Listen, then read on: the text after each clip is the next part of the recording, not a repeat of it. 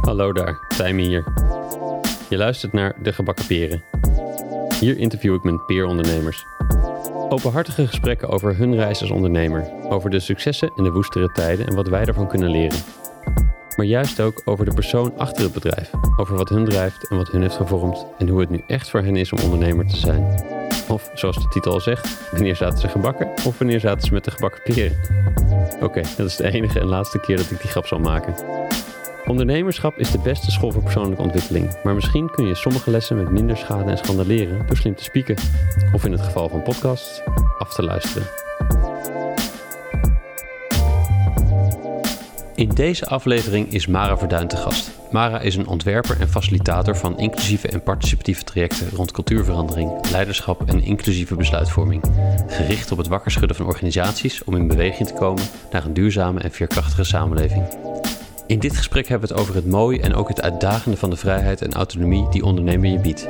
Ook praten we over je gelijkwaardig opstellen tegenover een opdrachtgever en over het cultiveren van een beginnersmind waarbij je tegelijkertijd ook vertrouwt in je kunnen.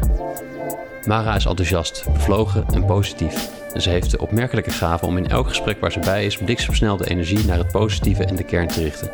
Dankjewel Mara, voor dit gesprek natuurlijk en ook voor je zijn. Hier is ze. Welkom Mara, bij de Gebakken Peren. Dank. Dat je er bent, dat je weer tijd wilde vrijmaken voor me. En voor onze luisteraars. Zit in de maakzaak.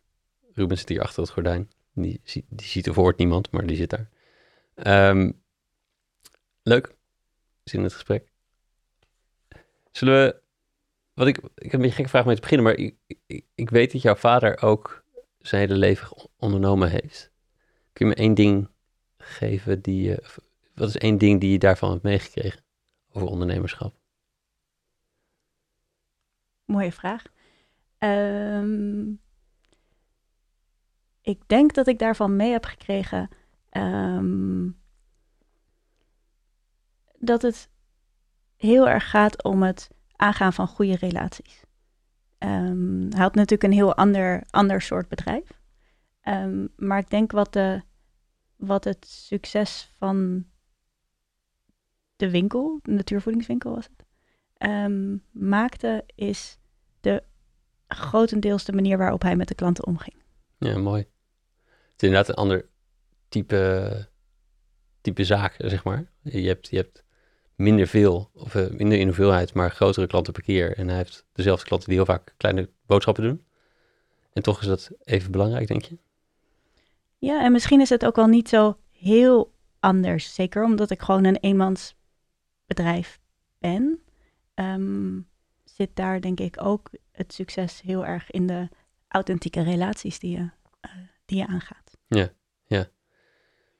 Dus dat, dat betekent veel, win- veel mensen kwamen in de winkel voor mijn vader. Ja. Ehm, en ook nu denk ik dat in zekere zin eh, opdrachtgevers mij vragen. En dat is ook deels waarom het zo lastig is om eh, te groeien of om groter te worden dan, je, dan jezelf. Want dat betekent gewoon wel heel veel. En hoe doe je dat dan? Ja, als klassieke freelancer, die wordt gevraagd om zijn of haar eh, persoonlijkheid en vaardigheden en het vertrouwen wat iemand in die persoon heeft. Ja. Ja. En zou, je- zou je willen groeien? Ehm,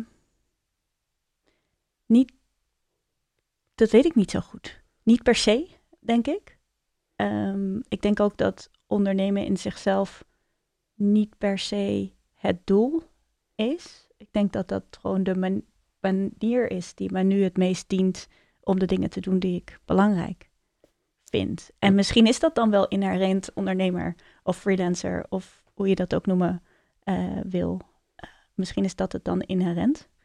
Dat denk ik misschien wel steeds meer, maar is niet de reden waarom ik begonnen ben. Ik ben gewoon begonnen omdat ik dingen wilde doen waarvan ik dacht dat die bijdragen aan de weer- eh, ja, aan een iets betere wereld. En om die klussen uit te kunnen voeren, moest je zelfstandiger zijn om een factuur te sturen.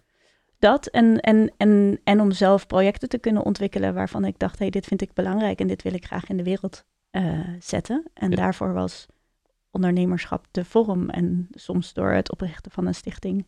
Ja. Ehm, en soms door het gewoon vanuit mijn eigen bedrijf te doen. En soms door me aan te sluiten bij een groter eh, iets. Je zegt niet per se groeien. Wat is, wat is, waar, waar zou je meer van willen creëren dan in je werk?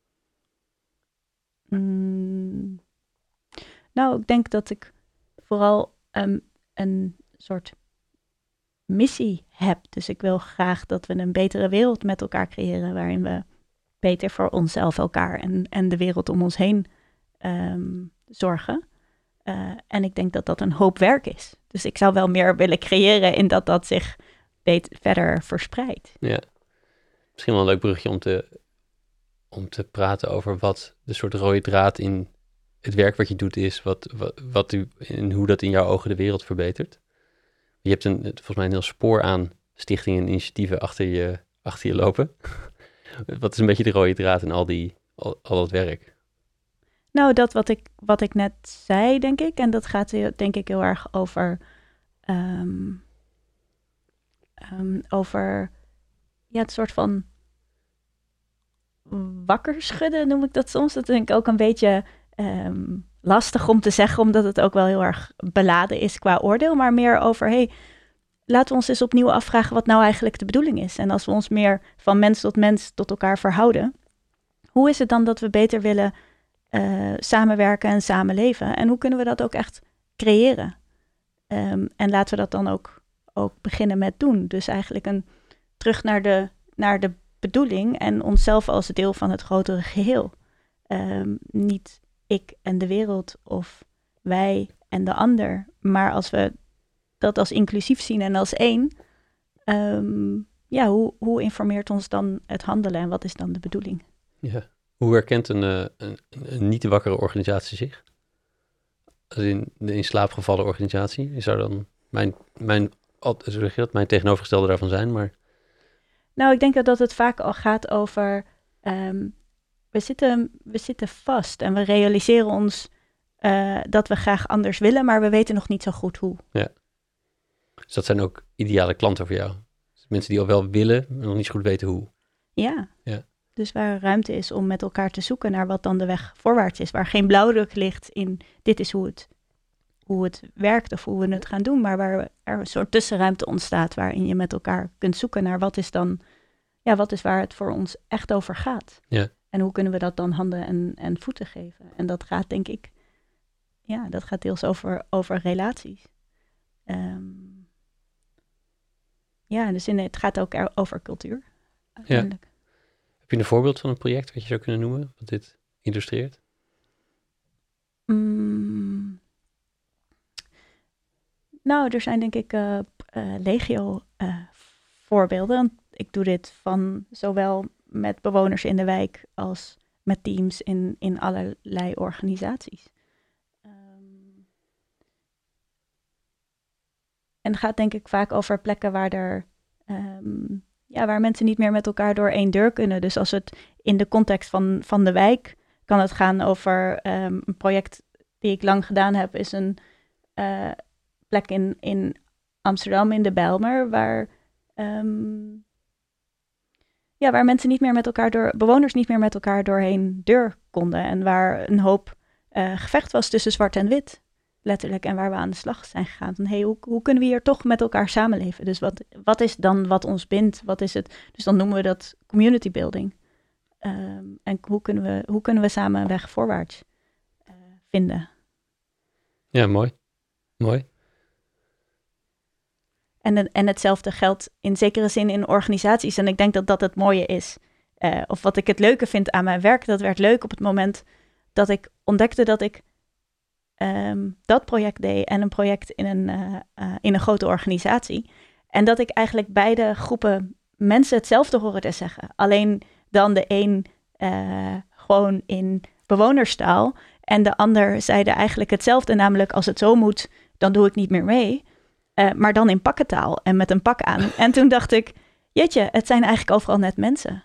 Ja. Uh, en dat maakte dat, dat het eigenlijk steeds leuker werd om daarmee aan de gang, uh, aan de slag te zijn um, en verandering te maken. Dit is waar jouw antropologie-achtergrond ook weer terugkomt. Hè? Dus dat je, dat je ze allemaal alle mensen als mensen gaat, gaat zien op een gegeven moment. Ja. Ja. en mooi. Ehm, je noemt jezelf ook freestyle antropoloog. Kun je daar iets meer woorden aan geven? Mm, ik denk dat dat de eeuwige zoektocht is naar hoe, ehm, als je relatief veel verschillende dingen doet die ehm, voor mijzelf een rode draad hebben, eh, of samen een pakketje vormen, hoe kun je dat dan toch een, een titel aangeven? Ja. Dus feitelijk noem ik mezelf cultureel antropoloog. Ehm, en tegelijkertijd ehm, ja, zijn de contexten en de, en, en de projecten waarin ik werk zo verschillend. Zeg maar, de klassieke antropoloog beziet de, uh, de leefwereld en beschrijft die, maar interacteert daar niet in of interveneert daar niet in. Mhm. Ehm, en dat doe ik wel degelijk. dus dat maakt dat het freestyle antropoloog zijn. Uh, ik had het waarschijnlijk ook toegepast antropoloog kunnen noemen. Um, maakt dat dat de vrijheid geeft. Ja, ik denk dat ik heel erg, uh, mijn werk heel erg beïnvloed wordt door hoe ik als antropoloog ben opgevoed of opgegroeid. En, en ook op de universiteit ben opgevoed, zou je kunnen zeggen. Um, en het is niet per se de kaders waarbinnen ik me uitsluitend begeef. Want er is natuurlijk nog veel meer waardoor uh, ja, waardoor ik ben wie ik ben en waardoor ik nu doe wat ik doe. En, en tegelijkertijd uh, stroomt dat er denk ik heel erg doorheen. Ja, ja ik, ik vulde net één, één, één vorm daarvan een beetje, of vertaalde ik een beetje uit wat je zei. Uh, hoe, hoe, hoe, hoe, werkt dat nog meer door? Hoe bedoel je? Nou, dat, uh, jou, je, je bril als antropoloog, hoe werkt dat nog meer door in je werk? Um, nou, ik denk uh, op, op heel veel manieren. Ik denk um, alleen al de manier waarop ik naar de wereld kijk of hoe ik naar groepen uh, kijk en hoe, ze die, hoe die zich bewegen. Dus naar, naar de relaties tussen mensen, naar de patronen, maar ook um, ja, het stellen van, van de waarom-vraag. En, en in staat zijn om echt naar het andere geluid uh, te luisteren. Ook als die niet mijn mening is en mijn eigen oordeel tijdelijk uit te stellen. Ik denk dat dat iets is wat een antropoloog heel erg kenmerkt. En ik denk uh, dat dat een van de, van de hele waardevolle dingen is die ik daaruit uh, meegenomen heb. Ik weet niet of je dat zo kunt zeggen. Ja, denk het wel. ik hoorde je begin zeggen ook, eh, ondernemerschap is ook maar de, de vorm die het geworden is. Hè? Wat was jouw beeld van ondernemerschap toen je begon? Mm.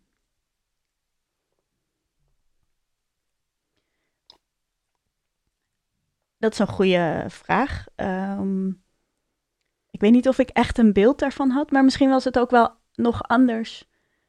Uh, ik kom uit een middenstandersfamilie, dus niet alleen mijn vader, maar mijn hele familie aan beide kanten zijn allemaal middenstanders. Dus ondernemerschap was het normaal, zou je kunnen zeggen.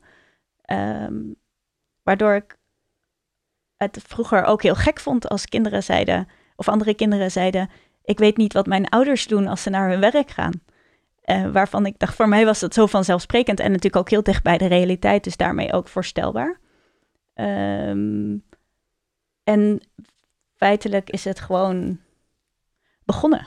Dus ik heb uh, uh, de eerste drie jaar na, na mijn studie nog voor een bedrijfje gewerkt, waar wat een soort platform voor ondernemerschap was. Mm, en vanaf daar ben ik niet per se op zoek gegaan naar, naar het ondernemerschap, maar is dat eigenlijk gewoon, dat is gewoon hoe het ging. Gek genoeg. ja, precies.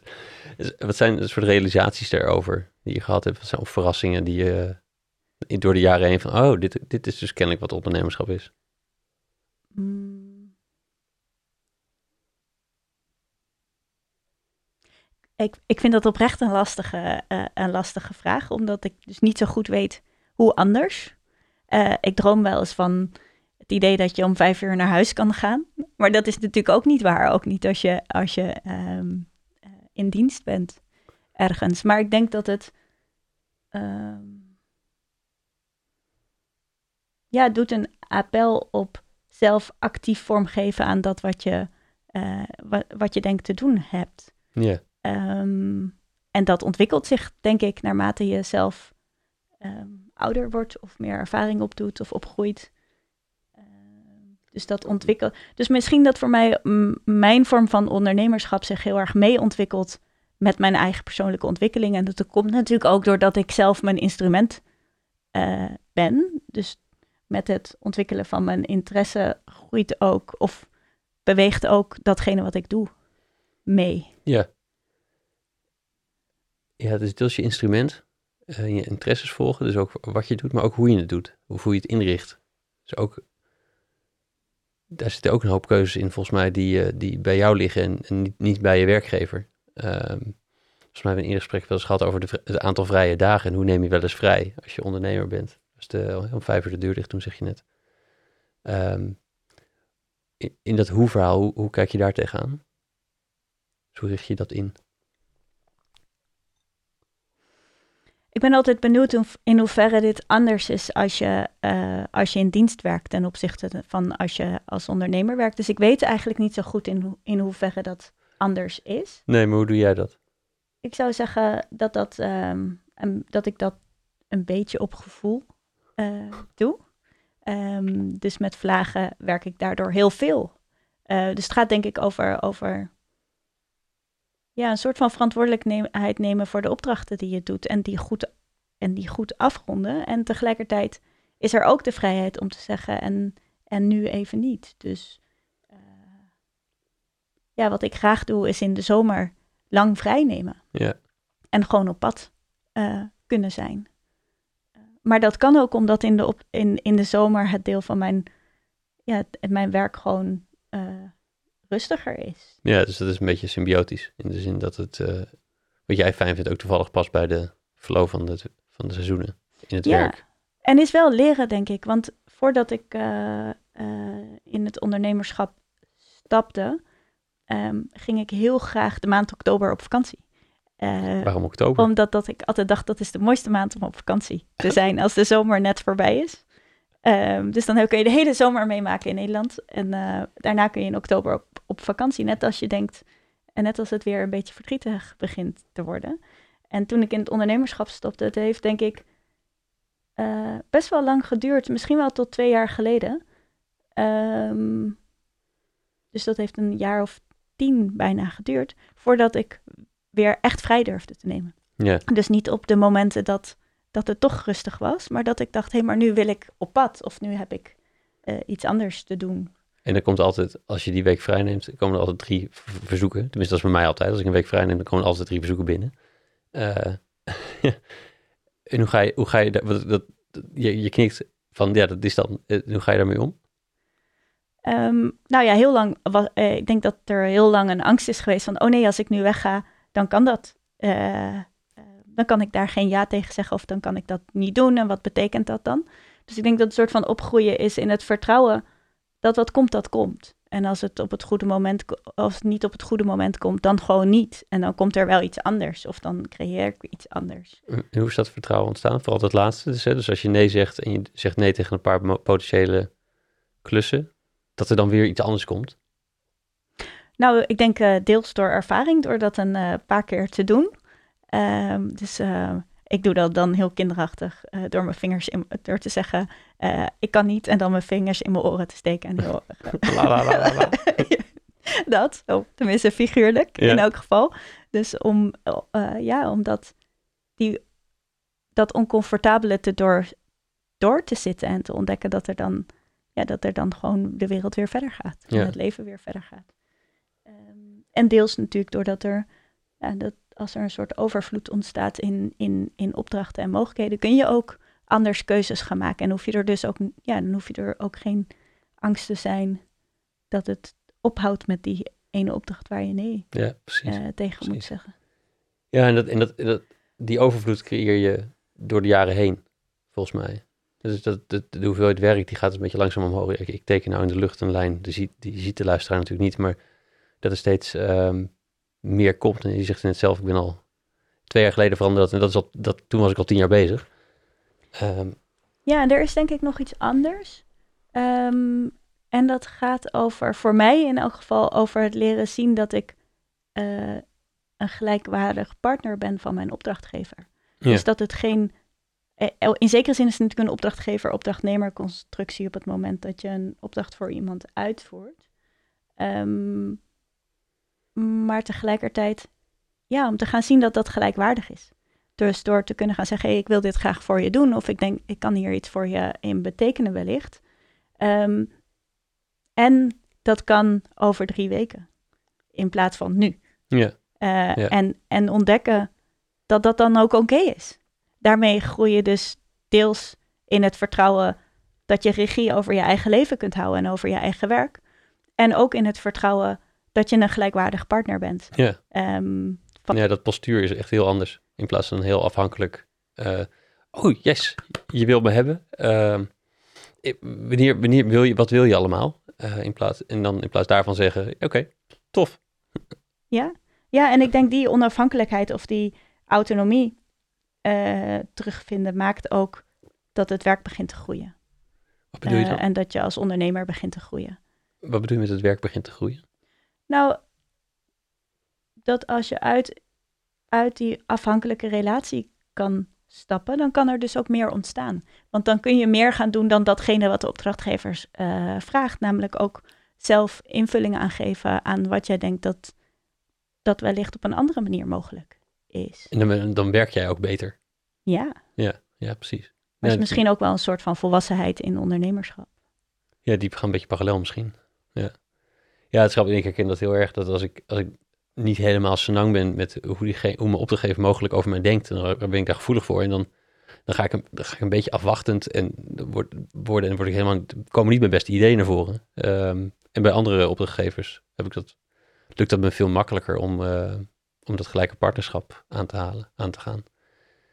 En dat, dat is voor ondernemers inderdaad zo, want dan, heb, dan kun jij iets wat, ehm, wat zij niet kunnen, daarom komen ze bij jou. Dus dat is ook een, soort natuurlijke positie van zeggen, oké, hier ben ik goed in, dat heb jij geaccepteerd. Of eh, dat heb je gezien en daarom ben je hier. Of ben ik hier. Dat geldt natuurlijk bij sollicitatiegesprekken voor werknemers ook zo. Die, is, afhankelijk van de markt heeft een van die twee vaak de bovenhand. Maar eigenlijk moet, moet dat natuurlijk niet zijn, want je wil allebei dat je een goede keus maakt om diegene aan te nemen en zo. Nou, anyway, dat is een zijspoor. Nou ja, maar is denk ik wel, is denk ik vergelijkbaar dat je als werknemer, als je gaat solliciteren, dat je, ehm, dat je leert zien of gaat zien dat het er niet om gaat, niet alleen om gaat of de opdrachtgever of de, ehm, de baas. ja, die, die Ik baas. moet zelfs over nadenken hoe je dat dan noemt. Ja, ja, ja. Ehm, eh, of die jou wil hebben. Maar dat het er net zo goed over gaat of jij met hen wil werken. Ja. En, en dat is misschien wel een beetje hetzelfde, dezelfde vergelijking. Of dat is vergelijkbaar, ja, zeker. ehm, denk ik. En dat betekent, dat betekent iets voor de manier waarop je daar gaat zitten als sollicitant.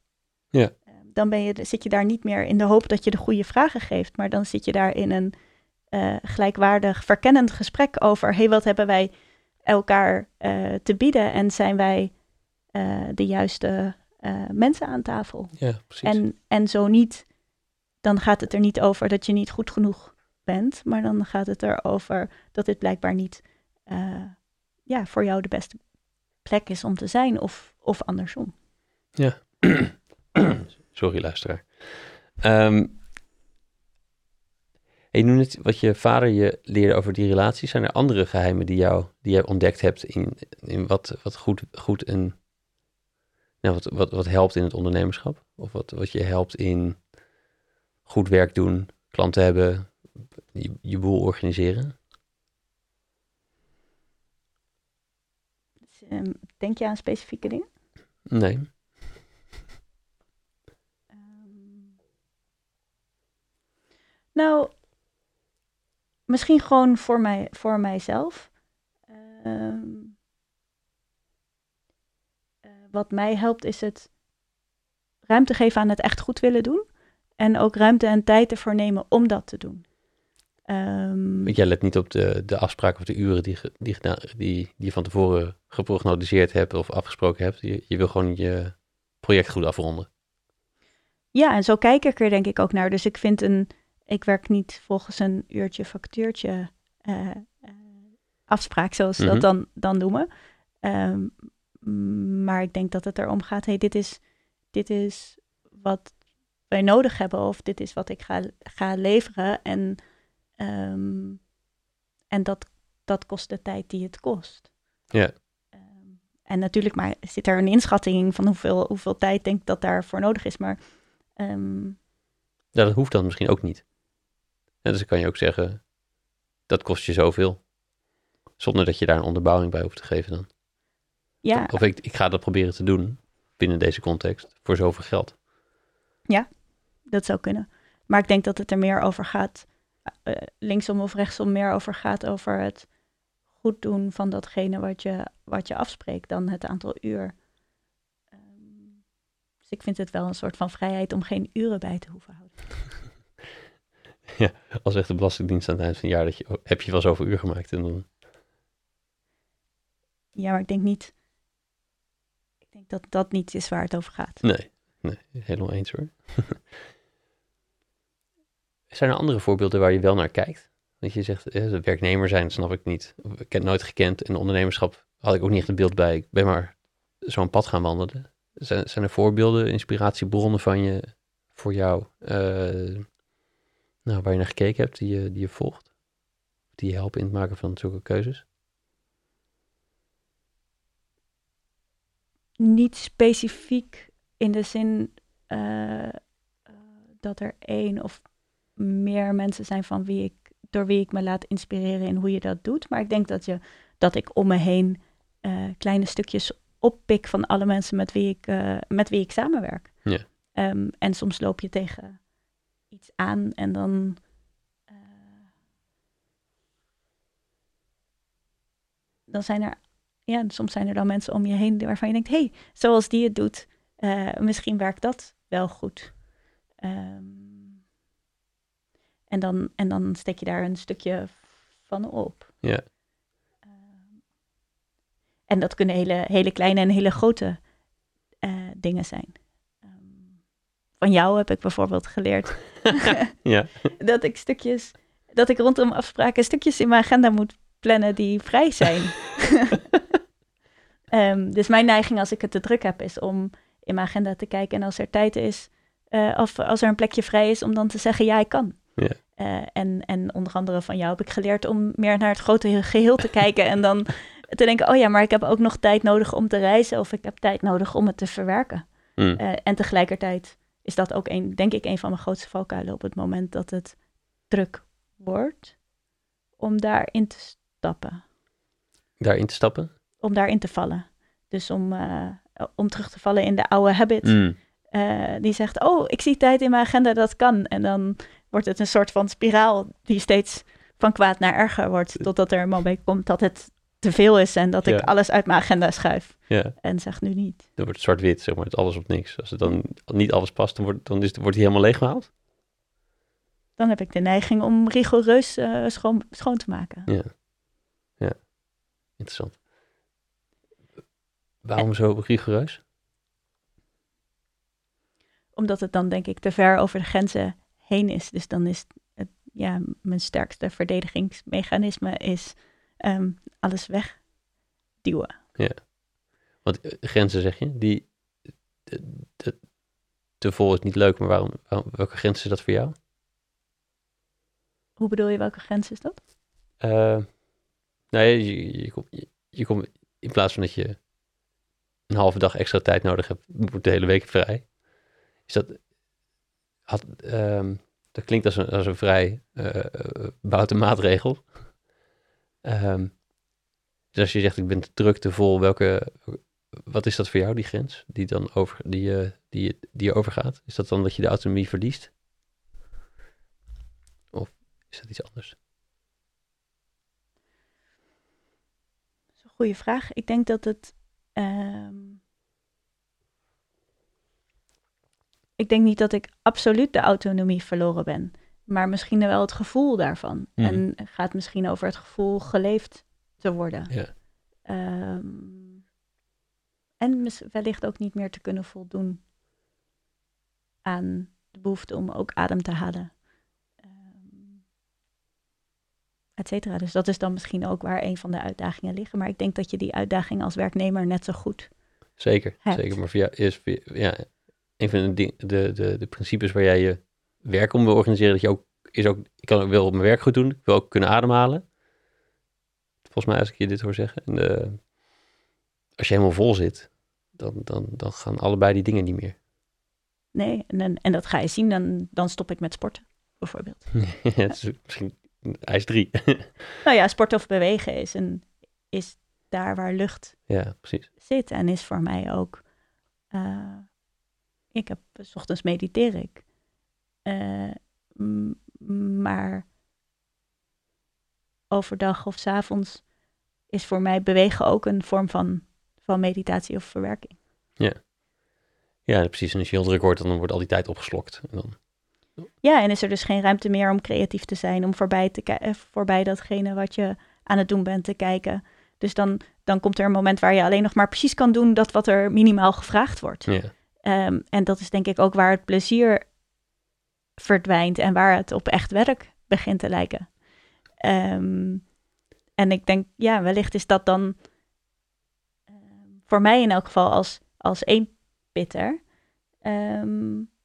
deel van het plezier van het ondernemen, namelijk dat er plezier mag zijn. Ja.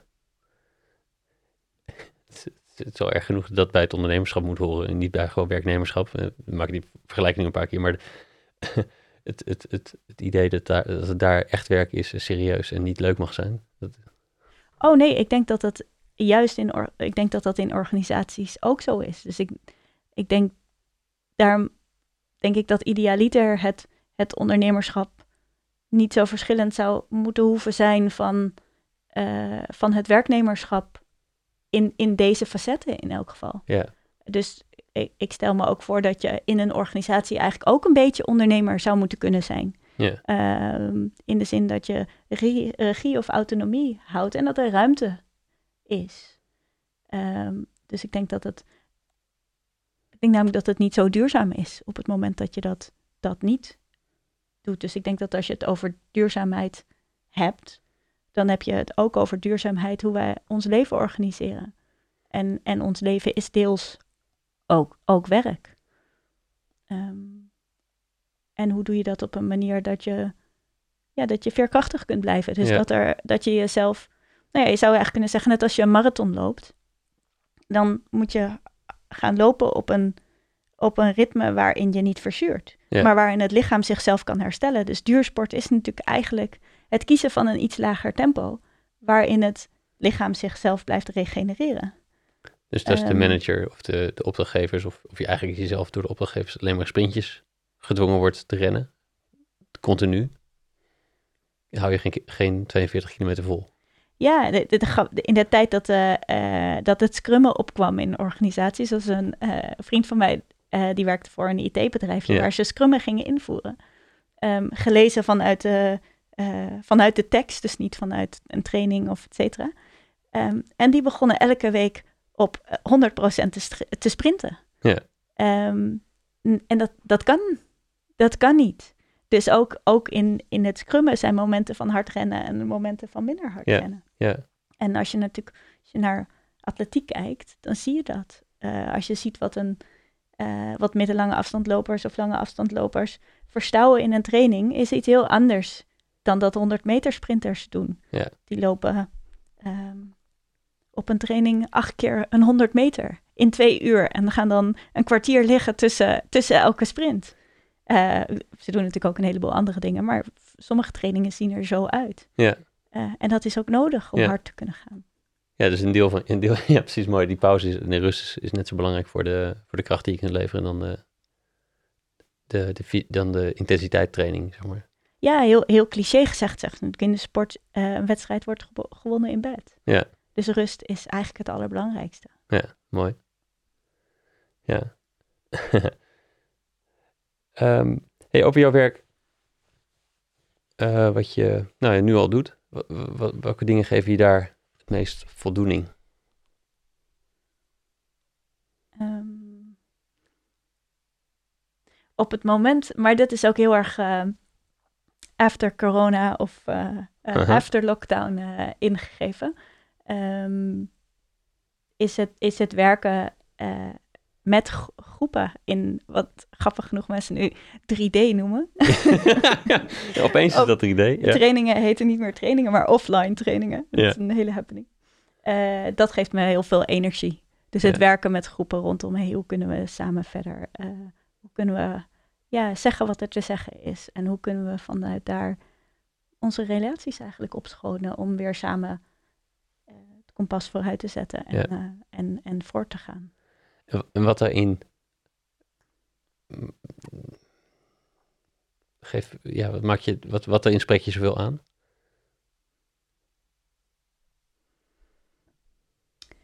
Um,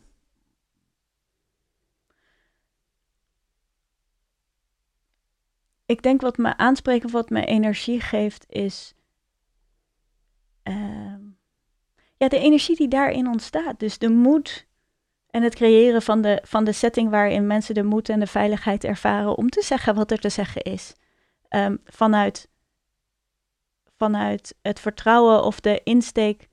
Um, we willen onze relatie behouden of we willen onze relatie verbeteren en we willen graag verder. Ja. Uh, en hoe kunnen we dat doen? En ik denk dat dat een hele um, humble uh, zoektocht is. Ja. En wat heel. Ja, wat heel mooi is. Ik vind het moeilijk om dat in woorden uh, te beschrijven. Maar wat echt gaat over, over mens zijn, ja. eigenlijk. En het mens mogen zijn. Ja, de durf open te staan en iets, te, iets aan te kaarten. Het belangrijke gesprek te hebben. In plaats van misschien dat in, dan maar in slaap sussen. Dat wel ja. zien dat er iets is, maar dan maar niet willen doen. Zeg maar. Dus in plaats van dat slapen wordt het actief en het is spannend, maar wakker. Ja, en dan kun je het dus ook bewerken. Dan is het misschien niet leuk, maar op dat moment wordt het wel veiliger. ja, ontwikkeling is vaak niet leuk, maar de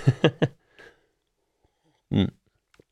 En ik denk dat er een soort luxe, voor mijn gevoel uh, zit er een soort luxe en daarmee wil ik dan onmiddellijk zeggen, en het zou eigenlijk geen luxe moeten zijn, um, om, om in een tussentijd met elkaar te mogen zijn. Dus om een moment van vertraging te creëren. Ja. En tegelijkertijd is die vertraging misschien ook wel een enorme versnelling. Um, maar om het even niet, om een situatie te mogen creëren waarin je het even niet weet. Uh, en dat er gewoon mag zijn en je met elkaar kunt zoeken naar en wat is er dan voor ons belangrijk en wat, waar gaat het echt over? Hmm. Waarom is dat een versnelling?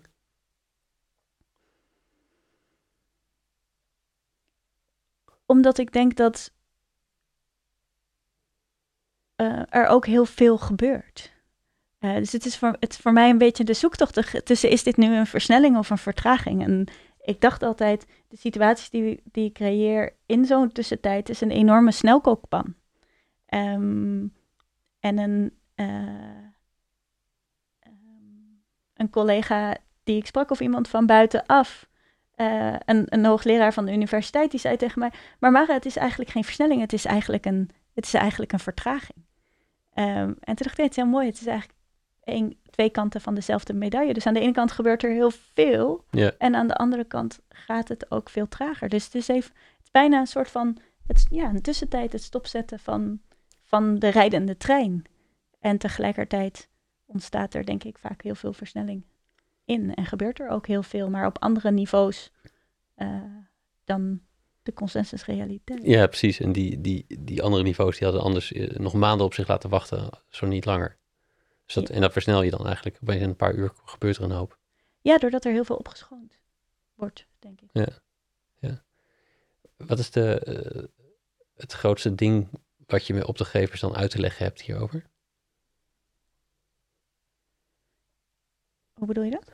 Nou, ik kan me voorstellen als je binnenkomt dat dit niet per se is wat dat jouw beeld over je werk anders kan zijn dan wat een opdrachtgever erbij heeft. Dat je misschien eens iets uit te leggen hebt, hè? dus dat er Um, ja, dus wat ik meestal zeg is. Uh, ik weet niet wel of ik iets uit te leggen heb. Ik denk dat ik meer iets heb te vragen. Mm -hmm. uh, of een gesprek te voeren heb met, met de opdrachtgever over. Um, als dit, je, dit de start is van, van datgene wat je in gedachten hebt, wat, is, wat zit daaronder en waar gaat, wat is eigenlijk de vraag achter de vraag waar gaat het je echt over? Om. En, en de andere kant is misschien ehm, dat ik vaak zeg: hey, als we met elkaar een soort van programma of lijn opgesteld heb, hebben, uh, om dan te zeggen: dit is, dit is zo wat we bedacht hebben en tegelijkertijd gaan we doen wat er nodig is in het moment. Ja. Um, dus dat. En, en um, ja, dus het begeleiden van, van, van opdrachtgevers daarin. En voorheen deed ik veel opdrachten in de, in de wijk. Rondom ook het creëren van een nieuwe, uh, nieuwe energie in de wijk. En het manifesteren van, van het sociale proces in, in fysieke vormen. Dus het daadwerkelijk bouwen van moestuinen, uh, speeltuinen, uh, et cetera. Al naar gelang waar, waar mensen van droomden. Um, en dan, dan ging het er denk ik ook om, om, misschien is dat wel een mooi voorbeeld, om het begeleiden van de gemeente in, hey gemeente, we gaan, ja, we gaan iets heel gaafs doen. We weten nog niet wat het is, maar het gaat heel spectaculair worden. En dat is een spannend proces. Dus in die zin zit er denk ik wel een vergelijking in, in het werk wat ik ook met organisaties en teams doe. In um, ja, laten we samen dat pad gaan lopen. En dit is het, uh, het beeld wat we voor ons zien. En, ja, en hoe we daar gaan komen, um, dat, gaan, dat gaat zich wijzen. Ja. Dus het ook, en dat gaat denk ik over veel, veel praten, kleine stapjes, uitleggen wat er gebeurt. Uh, ook eruit zoomen en zeggen, hey, als je er van, vanuit een uh, helikopterview naar kijkt, dan is dit wat er nu aan het gebeuren is. En, en, en op het spoor wat we aan het volgen zijn. Of uh, vanuit het grote geheel kun je dat zo begrijpen. En dat vraagt misschien, wat je hoopt dat ze zich beseffen, is dat het niet een gecontroleerd proces is met een definitieve uitkomst. Of, of vat ik het niet goed samen zo? Ja, of in elk geval dat hoe dat er precies uit gaat zien, uh, dat gaan we ontdekken. Ja. Dus ik denk dat dat erover gaat. Het gaat over de vraag: hoeveel ruimte is er? ook echt.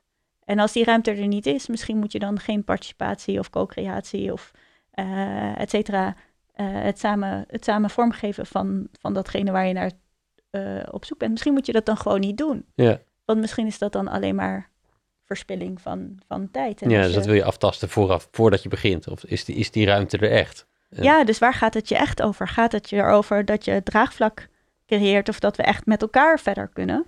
Of weet je eigenlijk al wat er moet gaan gebeuren? Ja, ja. En op dat moment mag moet je misschien daarvoor kiezen. Mag overal heen, behalve als het niet B is. ja, en tegelijkertijd is dat, is dat ook soms heel lastig. En dan denk je dat pas gaandeweg. Dus misschien kun je dat voor jezelf ook wel bedenken. Dat soms vraag je ergens inspraak op. Of dan zeg je, hey, hoe denken jullie daarover? Want ik ben uh, op zoek hierna. Of kunnen jullie met mij meedenken? En dan zegt iemand iets, je moet, uh, je moet linksaf. Uh, en dan op dat moment realiseer je, ja, maar daar mocht je niet over meepraten. Ja, uh, dus ook persoonlijk is dat al lastig. Laat staan als je een grote organisatie ja. bent. Maar dat doet dus een groot appel en geeft een grote verantwoordelijkheid aan het heel helder maken. Wat is het, wat is het speelveld waar ja, we met precies. elkaar in zitten? Ja, waar mogen je nog over gaan? Waar, waar, waar nodigen we je uit om over te gaan? Waar, en wat kunnen we helaas niet meer veranderen? Ja. Uh, of helaas. In ieder geval, misschien voor je als deelnemer, als de deelnemers zijn, helaas. Maar mooi. Um, ja, ik vroeg het net met je over ondernemerschap die je inspireert, maar wat in, in, bredere zin, wat zijn, want er zit natuurlijk eigenlijk een hele levensinsteek achter jouw werk en, en, en um, wie zijn daar inspira inspiratiebronnen voor? Wil je daar één of meer? Nou, mag er één zijn, maar ik ben ook blij met meer. Ja. Hmm. Uh, nou, er zijn er denk ik heel veel. Uh, ik denk één inspiratiebron die, of wat me op het moment bezighoudt, is, uh, is de man die uh, process-oriented psychology ontwikkeld heeft, process work. En hij heet Arnold Mindel. Um, en is een man van, van net in de tachtig, een natuurkundige en psychoanalyticus. en hij heeft eigenlijk een poging gedaan om om het kwantumdenken van de natuurkunde naar groepen te vertalen. Um, maar los van dat hele verhaal, wat ik heel mooi aan hem vind, ehm, is dat hij voor mij echt de. ehm, mm, hij spreekt over de beginner's mind. Dus het, het kijken naar, naar groepen, naar ontwikkeling, naar het ontvouwen van processen met een, met een beginner's mind. En hij embodied dat voor mij, of belichaamt dat voor mij heel erg. Ook op zijn leeftijd nog. Dat- Ook op zijn leeftijd nog, met al zijn ervaring met de eh, eh, wereldleiders waar hij mee gewerkt heeft. Eh, waar denk ik op een gegeven moment me heel goed kan voorstellen dat de vuilkuil ontstaat. en Dat je groeit in ik weet het. Eh, en ik vind het heel inspirerend om hem te zien waar hij bijna ehm, childlike, dus als een kind, ja, met een beginner's mind kan kijken naar dat wat er gebeurt. En dus echt open kan staan voor dat wat er gebeurt zonder vooringenomen te zijn. Eh, of zonder te denken, ik weet, ik weet het al. Ja, Ehm, en ik vind, dat een, ik vind dat inspirerend daarom. Ik vind dat inspirerend omdat hij daarmee echt een voorbeeld is van walking your talk. Ehm,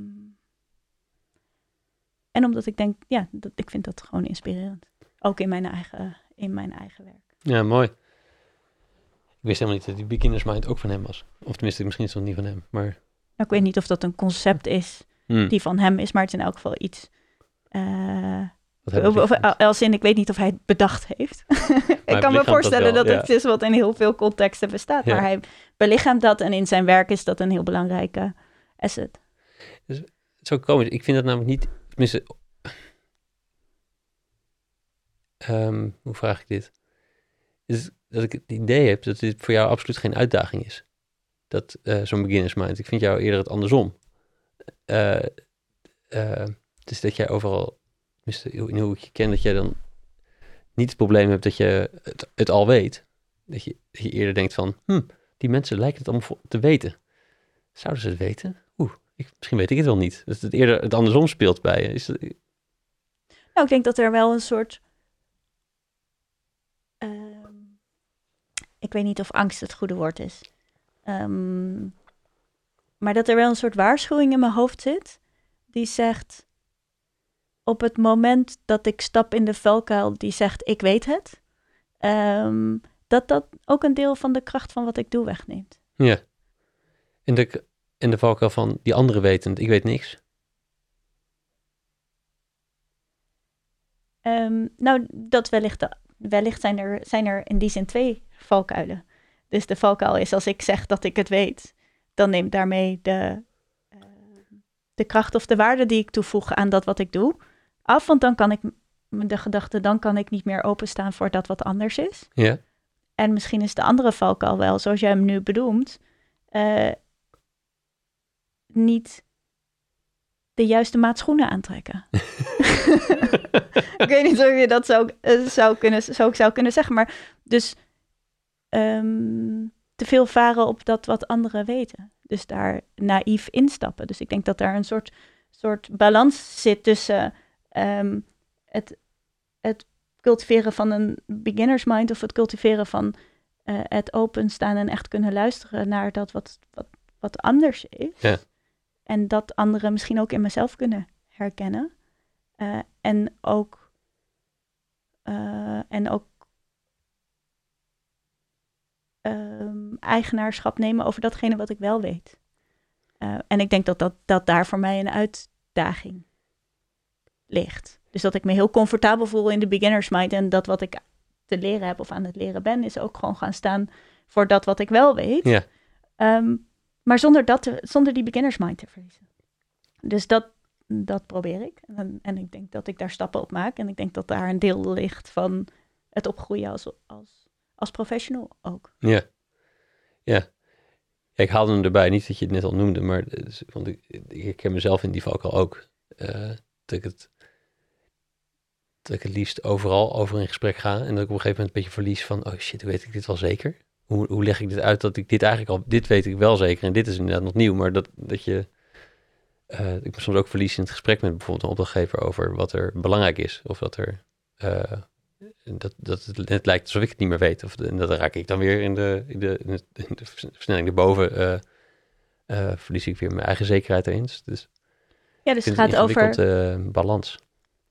Ja, dus het gaat over het niet ontkennen van je eigen expertise en dat wel belichamen. Ja, Ook ja. tegelijkertijd.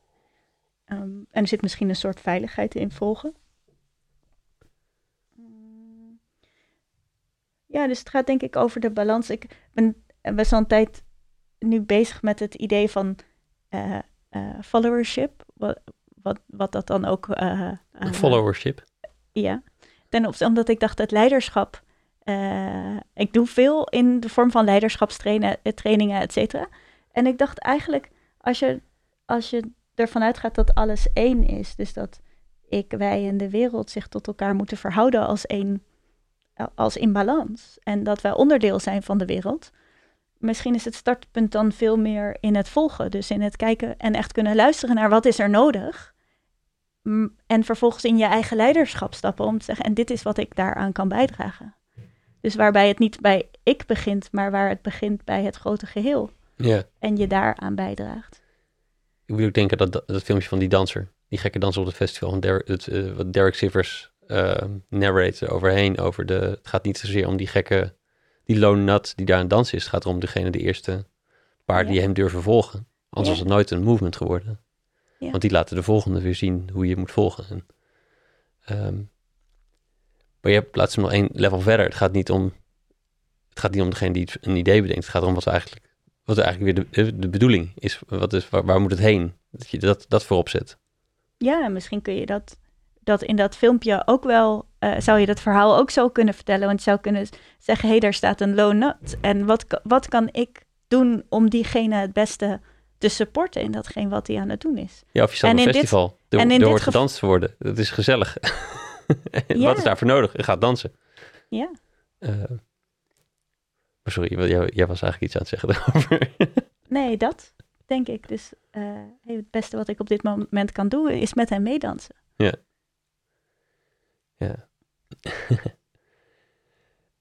hey, Zo'n vijf of zes jaar geleden zaten we op de Domstraat in een kantoor. Hoe kijk je terug op eh, jou als zelfstandig of als, als jouw werkbestaan in die tijd? En, en, wat, wat zijn de grootste veranderingen die je voor je gevoel doorgemaakt in die tijd? Oh, wauw. Ehm,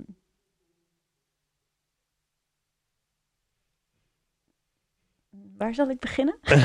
ja, ik weet niet zo. Nou, ik denk dat mijn werk in, en mijn ondernemerschap heeft een enorme ontwikkeling doorgemaakt, denk ik. Dus ehm, op de Domstraat begon ik. eh, wat deed ik daar ook alweer? Eh, volgens mij deed ik daar veel eh, journalistieke klussen. Dus veel tekstschrijven, journalistieke producties, et cetera. Ehm, en nu doe ik dat nooit. ja, Dus het heeft zich ontwikkeld naar veel meer werken met groepen. eh, en veel meer faciliteren, veel meer begeleiden van, van cultuurveranderingen. ehm, op allerlei lagen. En ik denk dat het zich ontwikkeld heeft op een manier dat eerst het faciliteren meer is gaan lopen naast het schrijven. Totdat dat begon te, eh, te clashen. En ik ontdekte dat, dat ik voor het een eh, een heel andere mindset nodig had dan voor het ander. Dus het ehm, heel veel facilitatieklussen naast elkaar, dat kan. Ehm, maar voor schrijf en heel veel schrijfklussen naast elkaar kan ook. Maar er zit zo'n andere energie in, in, dat wat, eh, in dat wat er moet gebeuren. Dat het schrijven vraagt eh, grote blokken van tijd om je te kunnen concentreren. Daar waar ehm, het faciliteren of het en het organiseren daar rondomheen heeft een heel andere snelheid. Ja. Ehm, dus daar, dan kom je zo steeds keuzes tegen. Naar, oké, ik vind het faciliteren leuker dan... Of ik geef ik meer energie en ik krijg, heb het gevoel dat ik op, op een andere manier kan bijdragen aan, aan de maatschappij. Ehm, dus dan valt dat er zo, deels valt het ervan af, maar er zit dan steeds een soort, soort strijd of een clinch eh, die maakt dat, je, dat er momenten van keuzes zijn. Wat, wat doe ik dan niet meer en wat Ja. ga ik wel doen? Eh, en ik denk dat dat door de tijd heen zo steeds, er steeds van dat soort momenten zijn geweest, totdat ik steeds, ja, op een gegeven moment heb ik heel veel projecten getrokken. Dus vanuit, de, vanuit een idee ontwikkelen tot, eh, tot het neerzetten daarvan. En nu ben ik er veel meer bezig met uh, veel meer volgen. Dus veel meer het, het, het supporten van groepen in dat wat zij nodig hebben. En ook dat is weer een andere, vraagt weer iets anders dan het trekken. Um, dus zo ontwikkelt het zich, denk ik, door de tijd heen. En, en dat vind ik zo leuk, maar aan eigenlijk zeker ondernemers uh, die al lang aan het ondernemen zijn, uh, maar vaak ook, ook, ook medewerk, mensen die in verschillende dienstverbanden gewerkt hebben. Ik vind het fantastisch om mensen van, die aan het eind van hun carrière staan te vragen: waarom doe je eigenlijk wat je doet en hoe ben je daar gekomen? En dat is eigenlijk al zonder uitzondering bijna een winding road van toevalligheden, keuzes, dat wat er op je pad is gekomen. En ik denk dat dat het ook zo ontzettend leuk maakt. Ja, dus als je, ja, grappig, als je iemand een leuke vraag stelt in een gesprek, is het grappig om die vraag terug te stellen. Alleen je beantwoordt zelf nu net die vraag al. Dus, dat, dus ik had een neiging toen je, die vraag, toen je de vraag stelde, hoe ben je hier gekomen? Waarom doe je wat je doet? Hoe ben je hier gekomen? Om die terug te stellen, maar je had natuurlijk eigenlijk al beantwoord. Dus, een soort van reflex die in mijn hoofd kwam. Um, en hoe heb je jezelf ontwikkeld in die tijd? Dus jouw werk heeft eh, met allemaal spanningsvelden ertussen natuurlijk. Want we eerder al van, oh ja, dan moet je dus nee zeggen tegen bepaalde klussen. En is, dat is spannend als je dat niet al drie keer gedaan hebt. Maar ook jij als persoon, ja, je volgt steeds weer verder andere interesses. En nou, ik ben zo wel benieuwd als ik je vraag, hoe ziet dat er over vijf jaar uit? Maar hoe, heeft het, hoe, heb je, hoe heb jij je als persoon ook ontwikkeld? Als je terugkijkt, als je die persoon van vijf jaar geleden vergelijkt met die van nu? Je stelt best wel grote vragen om een kleine antwoord op te geven. ik heb ook gezegd dat er geen kleine antwoorden hoeft. uh, ja, wauw. Nou ja, in, in, heel veel, in heel veel opzichten, denk ik. Het is eigenlijk een beetje als je aan mij vraagt... Hoe, hoe, hoe, hoe, hoe is het je gelukt om op te groeien de afgelopen vijf jaar? dat is zo groot. nou ja, ja, dat denk ik wel. Uh, uh, dus ik, deels, ik denk deels in het volgen van mijn eigen nieuwsgierigheid. Ehm, en deels heb ik een beetje een afwijking dat als ik iets niet kan, dan denk ik dat ik dat moet leren. Um, en dat gaat ook over mijn, over mijn eigen onvolkomenheden. Dus situaties waar ik tegenaan loop in relaties of uh, in dat wat ik moet doen voor een groep of in mijn werk. Um, daarvan denk ik dan, oh jee, dit durf ik niet of dit kan ik niet hoe kan ik een toolkit uh, vinden om dat, uh, om dat te leren? Dus misschien als voorbeeld, ik denk, um, nou niet vijf jaar geleden, maar nou, misschien dat het wel een jaar of vijf geleden is. Tot vijf jaar geleden was ik heel bang voor conflict. Dus als in een groep iemand zijn stem verhief, dan had ik de neiging om zo naar hem te wapperen en te zeggen, Sst, of het te negeren alsof het er was. of in de in, in relatie tot anderen kan ik dan heel wijs zeggen. Uh, als je harder gaat praten, betekent dat niet dat het meer waar is. Bijvoorbeeld. Maar natuurlijk allemaal manieren om uit conflict te blijven en, en naar harmonie te zoeken. Uh, en dat is wel een van de dingen waarvan ik dacht, als ik een betere facilitator wil worden, maar als ik ook beter wil worden in relaties in mijn eigen leven of in mijn privéleven, um, dan moet ik omleren gaan met conflict.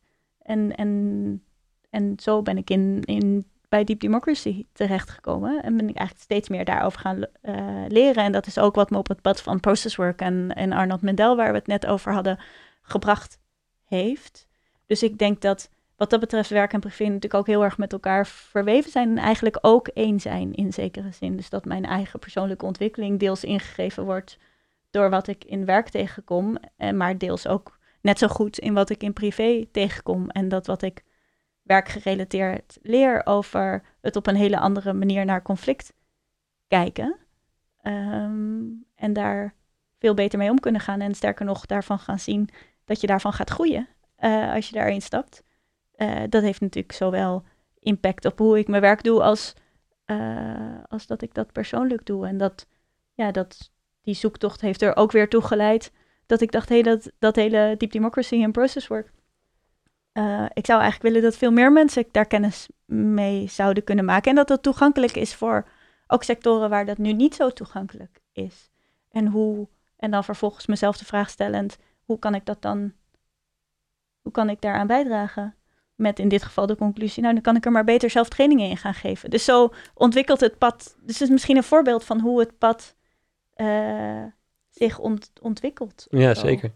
En hetzelfde was in ja, zo'n draadje in de wijk, waarvan ik dacht, hé, hey, we zitten heel erg op het waarderend kijken. Wat fantastisch is en waardoor ook heel veel problemen ehm, niet opgelost worden, maar misschien onderweg niet meer relevant zijn, om, omdat we die route volgen. En tegelijkertijd blijven er soms dingen zitten die gewoon kut zijn. Ja. Ehm, en ik wil leren hoe ik dat kan adresseren. Wat me op datzelfde pad heeft gebracht en ervoor gezorgd heeft dat we uh, nieuwe dingen ontwikkeld hebben waarmee we dat kunnen, uh, kunnen adresseren. Dus zo uh, lopen wat dat betreft persoonlijke strijd of interesses en, en daar waar je in, in werk in vastloopt, zijn misschien ook wel gewoon één. Ja, ik vind het, ik vind het mooi dat het één is. Het is natuurlijk niet een gegeven. Je kan ook zeggen dat is een persoonlijk, dat is persoonlijk. Dat, dat wil ik ontwikkelen de vraag is of dat dan nog moet. Hè? Dus misschien, ik ben niet vreemd met die, uh, met die aandoening die je beschrijft. Dat als je iets niet kan, dat, dat, dat je het eigenlijk moet leren.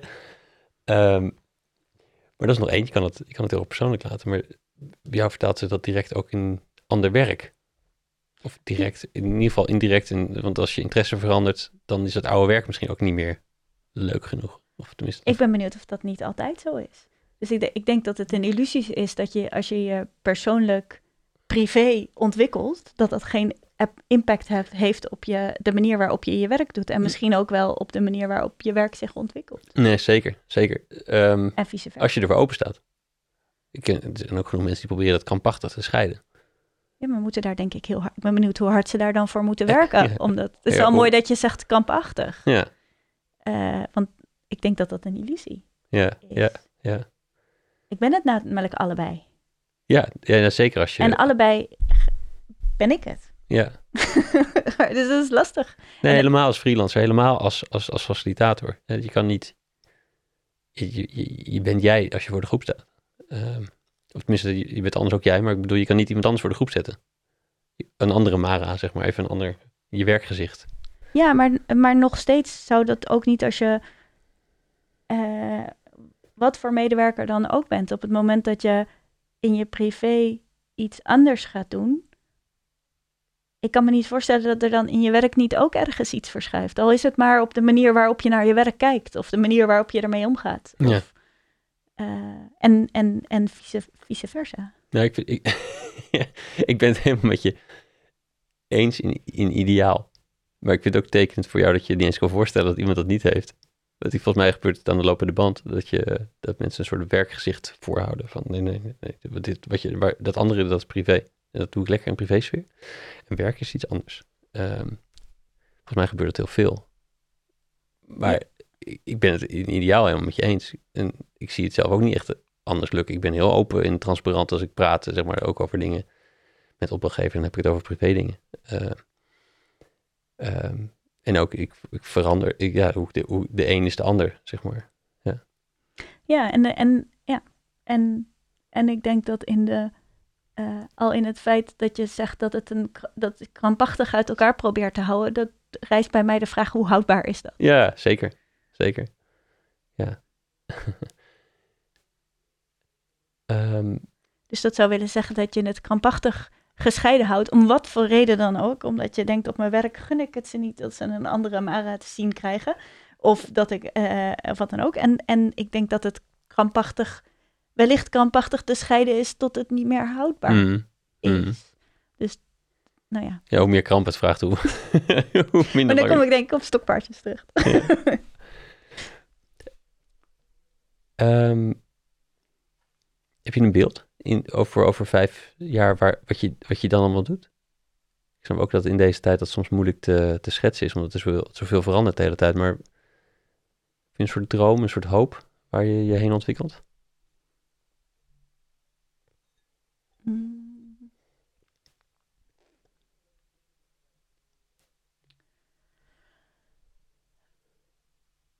Nee, fijn hè? Uh, nee, ik denk dat het voor mij echt een me meanderend pad is. Tegelijkertijd zie ik natuurlijk wel uh, dat het werk met conflict, met polarisatie, met inclusiviteit, uh, dat ik daar nog heel veel op te leren en op te doen heb. En dat er in de wereld ook nog heel veel eh, rondom te leren en rondom te doen is. Ehm, dus ik denk dat ik wat dat betreft nog wel eventjes vooruit kan. En wat ik voorzie is dat men, uh, of wat ik hoop denk ik, is dat het pad zich steeds meer, um, steeds duidelijker wordt in, in wat zijn hoofdzaken en bijzaken waar ik me wel en niet mee bezig wil houden. En ik denk dat dat, dat ik hoop dat ik over vijf jaar daar, daar sta. Dat ik, de, uh, dat ik het vertrouwen heb om, om echt mijn eigen kompas uh, te volgen. En niet allerlei randzaken te doen omdat ik het zo leuk vind om iemand te helpen. Of omdat. Mhm. Eh, dus er steeds meer op te vertrouwen dat dit mijn pad is. Ehm, en dat alle andere dingen ook heel waardevol zijn, maar dat de beste waarde die ik kan toevoegen hier is. Heb je nu al een beeld wat die hoofdzaken zijn? En als niet dat, dan ehm, hoe je meer aan die missie kan doen? Nou, ik denk het veel meer volgen en veel minder trekken. Uh, Ehm, en dat het gaat over, over thema's als hoe, hoe, ja, hoe willen wij ons tot elkaar verhouden, hoe kunnen we samenleven. Dus, en uh, die dus gaan over, over inclusiviteit, over, over gezamenlijk leiderschap, uh, over het normaliseren van, van conflict en over het werken aan relaties tussen elkaar. En, en in, in, in essentie gaat dat denk ik over hoe we met elkaar mens ja. mogen zijn. En heb je daar al een beeld over, hoe je dat, die hoofdzaken, bijzaken beter scheidt en tegelijkertijd hoe zich dat gaat uiten in het effect of de waarde die je toevoegt?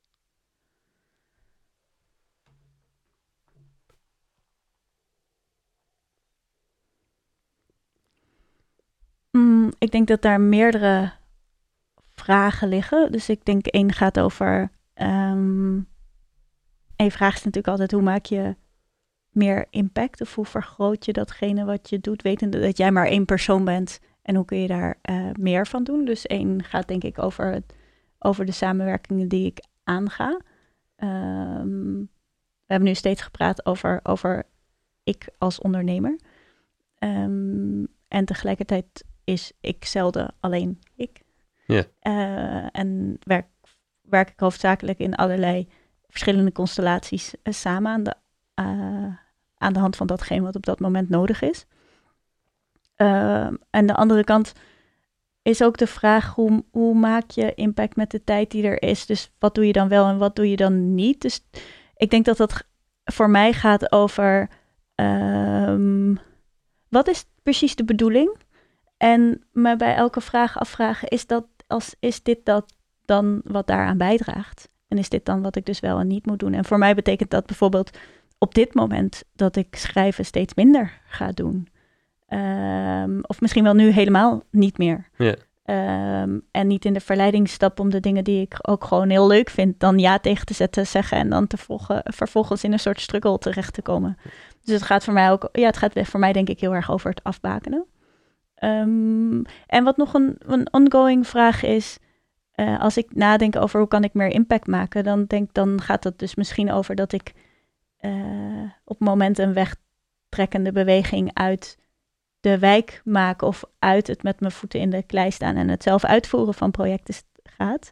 En steeds meer over het trainen of begeleiden van anderen die dan met veel meer uh, datgene kunnen gaan doen wat, wat belangrijk is. Dus het equippen van, van de ander, van docenten, van sociaal werkers, uh, van, van mensen met maatschappelijke uh, professies, maar ook in, in andere organisaties. Dus hoe kun je op, dat is een manier waarop ik meer impact kan maken.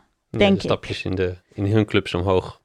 Ja, en tegelijkertijd is daar voor mij de vraag, maar ik wil eigenlijk wel graag ook zelf in de uitvoering blijven staan, omdat ik um, denk dat daar de meerwaarde zit, dat je de praktijk en de, en de organisatie tegelijkertijd kent en daartussen kan schakelen. Want ik denk dat het grootste gevaar of hetgeen wat we denk ik heel veel in de maatschappij zien, is dat, dat uh, het beleid is losgeweekt van, uh, van de praktijk. Dus dat de systeemwereld los is geweekt van de leefwereld. En ik denk dat dat nou precies de brug is die we met elkaar moeten, uh, moeten blijven slaan.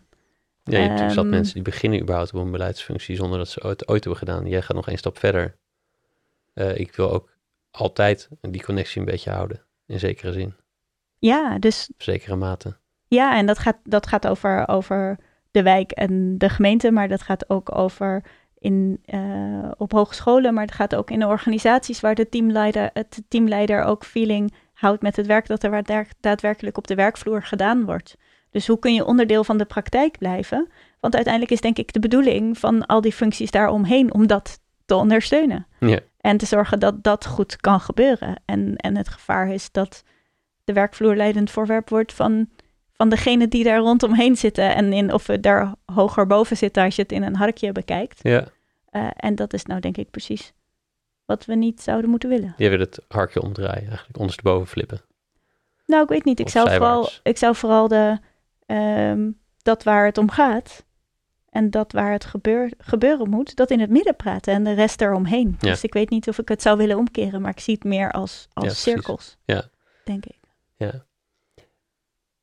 Um, heb je beelden bij wat voor, wat voor nieuwe constellaties dat worden of nieuwe samenwerkingen of wat voor plekken je graag mee zou werken de komende tijd om meer, waarde, meer van waarde te kunnen zijn ervoor? Um, nou, onder andere uh, ben ik net een nieuwe stichting gestart. Um, een extra in dat spoor van stichtingen. ja. Er valt wel meer, trouwens. Het zijn er ontelbaar veel meer dan ik. um, en dat is voor mij echt een plek um, ja, om bijzondere en grotere projecten te ontwikkelen met een maatschappelijke uh, impact. Um, en het is een Europese samenwerking, dus dat geeft ook heel veel ruimte om dat op veel meer plekken te kunnen gaan doen. En niet alleen te doen, maar in constellatie met heel veel, heel veel anderen. Ja. Dus dat zie ik als een manier om, om ja, in maatschappelijke thema's een, een weg voorwaarts te helpen vinden of daar een klein steentje aan bij, ja. aan bij te dragen. Wat voor clubs die, uh, die daar iets mee willen? Hoe ziet er zo eentje uit, zo'n perfecte club die bij jou mag aankloppen en maar ik wil met je praten, ik wil iets in beweging brengen of ik wil iets verbeteren? Uh, wat zou, nou, waar moet hij dan voldoen? Of heb je misschien wel een naam en rugnummer van iemand die, uh, die je wil bereiken? Nee, het gaat denk ik heel ver, uh, vooral over, over clubs die in een, of teams of groepen die in een situatie waarin zitten, eigenlijk zijn we dat aan het beginnen, uh, wij zitten vast of dit is eigenlijk wat we niet meer willen en we willen eigenlijk iets anders, maar we weten nog niet zo goed hoe. Um, ik denk dat dat bij uitstek de vraag, de vraag is waar, um, waar ik graag aan bijdraag. Ja, mooi. We gaan afronden. Als iemand jou wil vinden, waar kan die jou het beste vinden? Um, in Utrecht. Misschien een digitaal middel eerst? uh, nee, via LinkedIn of uh, via mijn eigen website. Top. Ik zal die in de show notes zetten. Dankjewel, Mara. Dankjewel voor al het mooie werk wat je doet. En persoonlijk, in de zin, uh, dankjewel dat je mijn maatje hierin bent. Dank je. Ja, dankjewel. Op de rode knop drukken.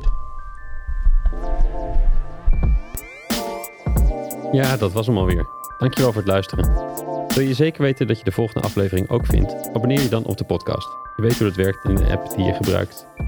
Weet ook dat ik van alle afleveringen uitgebreide show notes met de lessen en de links uit het interview maak. Deze vind je op www.studiogeorge.nl slash podcast.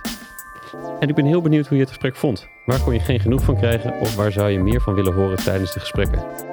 E-mail me op tijmen.studiogeorge.nl als laatste, na elk interview werk ik één inzicht uit in een korte blog. Die stuur ik met liefde naar je inbox, gepaard met wat links die me inspireerden die week. Meld je aan voor dit Espresso Shot strategie op www.studiogeorge.nl slash shots of strategy. Allemaal aan elkaar. Heb een goede dag en tot de volgende.